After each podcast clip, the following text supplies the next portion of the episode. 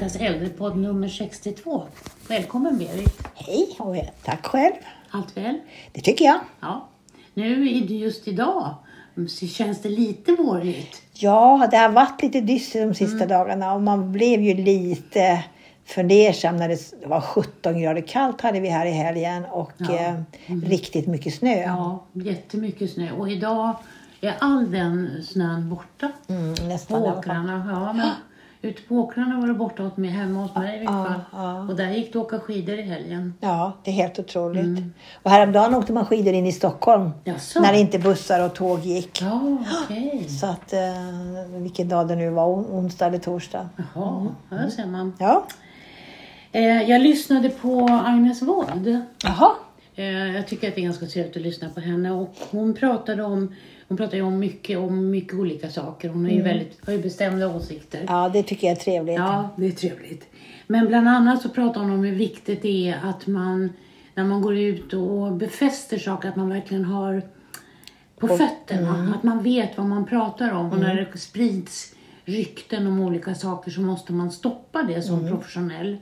Och hon tog bland annat upp det här med polio. Okej. Eh, Jag vet inte, jag kommer ihåg när jag var liten så fick jag inte äta äppelkart. Därför att det kunde sprida polio. Ja.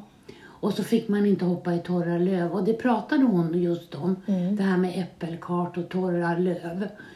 Eh, och polio är ju en virussjukdom som sprids via avföring. Men den sprids ju inte via frukter eller löv eller så.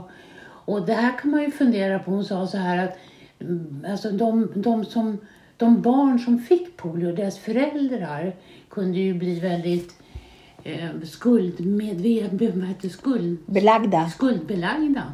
För att de hade låtit barnen äta kart eller hoppa i löv. Och så är det ju inte så som sjukdomen sprids. Ehm, och så det, det är viktigt att tänka på att man, när man sprider olika saker så, så måste man veta i det. Ja, överhuvudtaget idag med, där allting sprids så lätt via nätet. Och med tanke på den här pandemin som vi har bakom oss och förmodligen kommer få flera sådana här pandemier framöver. Hur viktigt det är att ta reda på fakta. Precis, och jag, när jag var liten växte jag upp bredvid en, en gård som vi kallade Gummans trädgård. Det var en äldre dam som bodde där i ett litet hus och hon hade ju mycket äppelträd och vi var ju där och pallade kart. Men och så fick man veta att det var livsfarligt Ja, alltså. Och Fullständigt det var ju en stor polioepidemi på 50-talet. Ja. Och idag ser vi ju de som har postpolio, på, vad heter det, postpolio. Men när de blir äldre så blir det oftast, även om det har varit lindrigt under deras levnad, så blir det ju oftast sämre när de blir äldre. Ja, ja. Så att det, är det var ju en allvarlig sjukdom, Absolut, verkligen. det var väldigt allvarligt. Men idag tänkte vi prata om en artikel i tidningen Senioren. Eh, och rubriken på den är Är Moldaviens hemtjänst bättre än Sveriges? Ja, och när man läser den så kan man verkligen fundera över hur ett sånt här rikt land som Sverige verkligen har, om, de, om vi har någonting att lära av Europas nästan fattigaste land. Och det har vi faktiskt, för när man läser artikeln så är det precis så som jag skulle vilja ha hemtjänsten. Att man har begränsat antal som kommer hem till en. Eh, de har tid, de, har, de är inte så minutstyrda. Eh, de har mera möjlighet att utveckla sitt arbete själva som personal. Eh, och då funderar man hur kan det vara möjligt i ett sånt här land som inte... Men, men ehm, man, ja, man, man pratar ju också om i den här artikeln, precis som du sa, om att det här med minutstyrning, det, det, är, det är fullständigt otänkbart för både personal Ja, och brukare ja, ja. i Moldavien. Men så funderar jag väldigt mycket på det här att ehm, alltså, en gång i tiden så hade vi ju vi en hemtjänst också i det här landet där, där man hittade, hette Hemsamarit och där man hade ett antal brukare som man tog hand om och tillsammans planerade man tiden. Ja, och den liknade väldigt mycket den Ja. som den moldaviska hemtjänsten är uppbyggd idag. Absolut. Det här, och det här var väl då 50, 60 och in på 70-talet Ja, kanske. mm. Men sen så blev det ju mer och mera eh, minutstyrt och Ja. mera, mera... Men, men här säger man ju också att i, i Moldavien eh, så får man, man kunde läsa i den här artikeln, varannan dags hjälp. Par timmar varannan dag. Och då funderar jag ju på, ja men hur ser hemtjänsten ut? Alltså vad, vilka är det som får hemtjänst? Eh, och då är, visar det sig att i Moldavien så är det de som har familj och närstående, där är det familjen som får sköta. De som får hemtjänst är de som inte har några. Men de kan ju inte ha stora personliga omvårdnadsbehov, för då kan man ju inte få hjälp varannan dag bara. Eh, utan det måste ju vara städ, tvätt och inköp som man får hjälp med. Ja, det, och, och det, det, då funderar man ju liksom om man nu skulle vilja införa liknande eh, i Sverige så skulle det inte fungera eftersom det ser annorlunda ut här. Vi, vi har ju inte familjer, eller i alla fall i de allra flesta fall, som kan gå in och ta något större ansvar för en om man blir skröplig och, och måste ha hjälp. Utan man är ju hänvisad till privat eller kommunal hjälp. Mm. Men jag gick också in och tittade på, tyckte det var lite spännande här, vad, alltså vad är det som skiljer Sverige och Moldavien? Och då ser jag att medellivslängden i Moldavien är 71 år. Män blir 67 år och kvinnor 75. I Sverige så blir kvinnor 84,3 år och männen 80,6. Alltså 80, 67 år för män och 80 i Sverige. Det är en väldig, Det är en väldig skillnad. skillnad. Och det är ju de här sista åren som man oftast är storkonsument både när det gäller sjukvård och omvårdnad. Så att det går, det går ju inte att jämföra. Men någonstans i den här artikeln så läser man också att man, man beskriver det som ett systemfel i Sverige. Att man har en viss syn på, på äldre, det är en viss form av ålderism. Ja. Eh, och, och man, man, man, man ser den här äldre kategorin som försörjda och kostsamma. Ja. Och då behöver man inte hantera dem riktigt fullvärdiga. Nej. Så säger den här forskaren, som, Glenn Möllergren, som har skrivit den här artikeln. Och man pratar ofta förklenande och förminskande om våra äldre. Eh, och som, som en ömkansvärd grupp som det är synd om. Eh, så att synen på äldre, den, den, även om vi blir bra mycket äldre i Sverige än vad man blir i Moldavien, den är säkert annorlunda.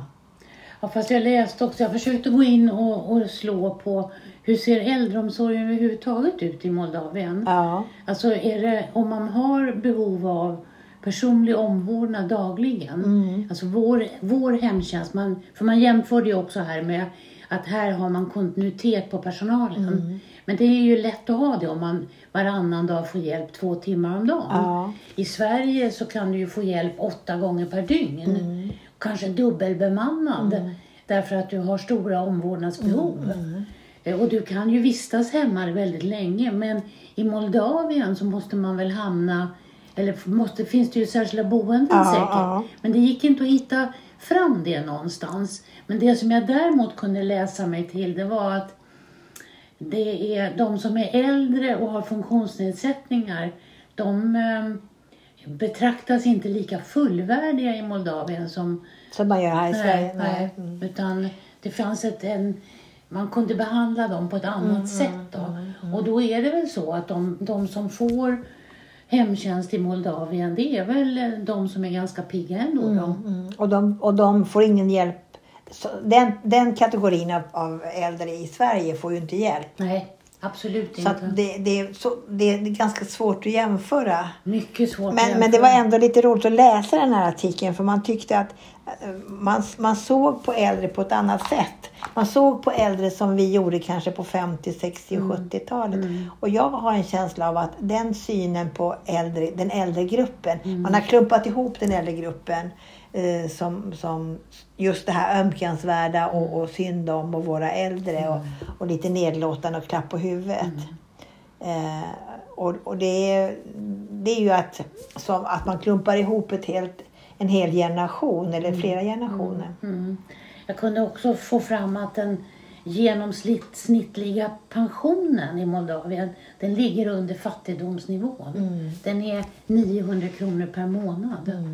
Alltså genomsnittlig pension.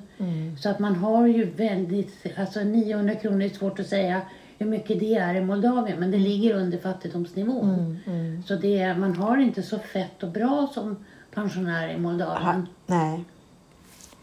Så att, eh, men den här forskaren, han fick också frågan om skulle han eh, skulle han vilja ha, vad vill han ha för hemtjänst om han behöver det själv? Mm. Eh, och då sa han att om hans son slapp att ta hand om honom Mm. så skulle han föredra den moldaviska, alltså moldaviska modellen. Ja, ja. Eh, men det slipper man ju inte i Moldavien. Där måste man ju ta hand om sina äldre. Mm.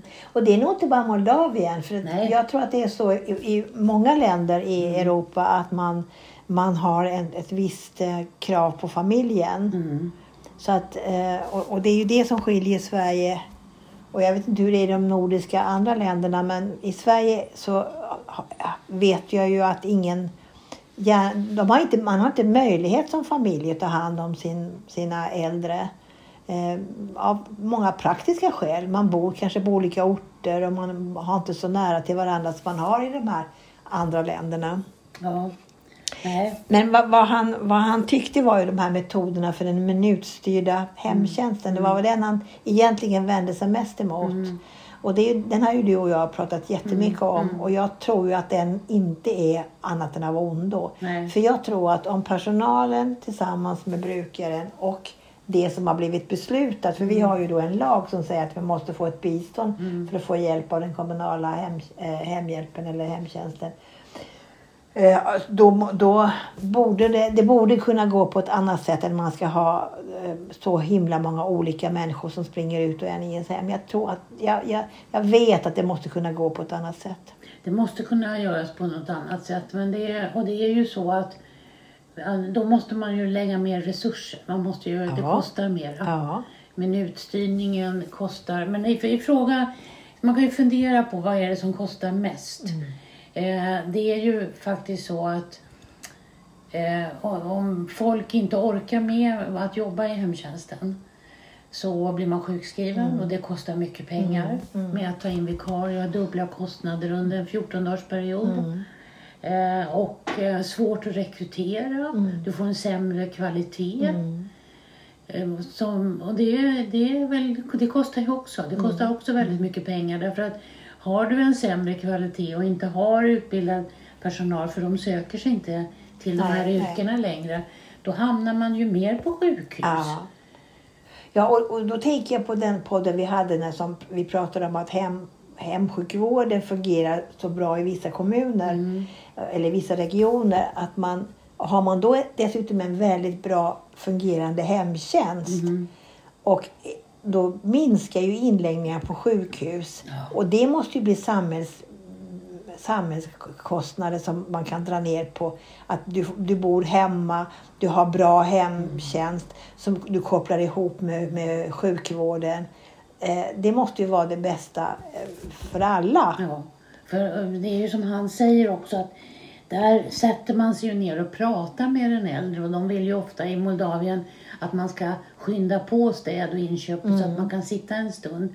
Och det, det ger ju en trygghet också. Och det är klart att kommer det för färre personer som en, och som kan sitta med mig en stund, då blir jag mindre orolig, kräver mindre mediciner och eh, kanske larmar mindre och åker mindre, färre gånger in på sjukhus. Och framförallt så vet du som vård, eh, vårdgivare eller som personal hur jag såg ut igår. Ja, Eh, har jag blivit förändrad sedan igår? Jag kan, jag kan larma till den, den här behandlande läkaren att nu, har hon, nu mår hon inte riktigt bra, hon, hon har inte ätit. Men springer det väldigt många olika, så även om man är alldeles så duktig på att dokumentera så kan man aldrig ta ner det här eh, på papper så man ser öga mot öga så att säga. nej. Men vi, kan, vi ska inte inbilla oss att vi kan komma ner till en och samma person. Nej, det, det, det är ingen som tror Nej. heller. Utan, men, men 18 personer som i, i, Mm. i svensk hemtjänst idag i veckan, det, det måste man kunna minska. Ja, det måste man kunna minska. Men då kan man inte ha minutsyning. Nej, det går ju inte. Utan då måste man kunna få Mm. göra färdigt saker och ting man, och inte springa till nästa. Nej, och för att nu, nu parar du ihop en persons schema med, med rutt för att det ska minska antalet åkningar och Ja, så, springa ja. emellan. Och då kommer man kanske inte tillbaka till den här som man Nej, så är det ju. Så, så är det ju. Du men- kanske går på morgonen och så har du en annan rutt mitt på dagen och på eftermiddagen. Och så, så, så roterar man ju. Mm. Men det måste kunna gå med tanke på att det, vi har löst väldigt mycket tekniskt så måste man kunna lösa det här också. Mm. Ja, men han slutar att ehm, säga att ehm, alltså han säger så här, jag skulle säga att den dystra situation som råder på vissa håll i hemtjänsten kanske skulle kunna kopplas bland annat till ålderism. Vi skulle inte acceptera en sån industriell behandling av icke-äldre. Nej. Och det, det är ju så med, med den här styrningen. Ja, och igår när man lyssnade på ett tv-program som handlar om artificiell intelligens så blir man ju lite skrämd om det är så att man ska bli skött av någon bakom en skärm som ska förklara för mig vad jag ska göra och inte göra. Och det, det, det är en skrämmande framtid tycker jag då. Men menar du att det ska sitta någon och säga nu ska du lyfta på höger ben och Nej, kanske inte så, men det här med att nu ska du äta, nu ska du ta din medicin, nu, ska du, Ja, ja. Nu, ska du, nu är det dags för dig att gå och lägga dig och, Mm. och så får man instruktion, om man nu kan ta emot instruktioner. Men det känns väldigt eh, skrämmande. Men Ja, det, det det. Ja, Det är hemskt om någon sitter där som man inte kan ha kontakt med. nej, Nej. men, men det, det kan vara den framtiden vi går till mötes. Och Mm. Ja. Då är det skönt att inte vara så där ung längre. Ja, det är precis.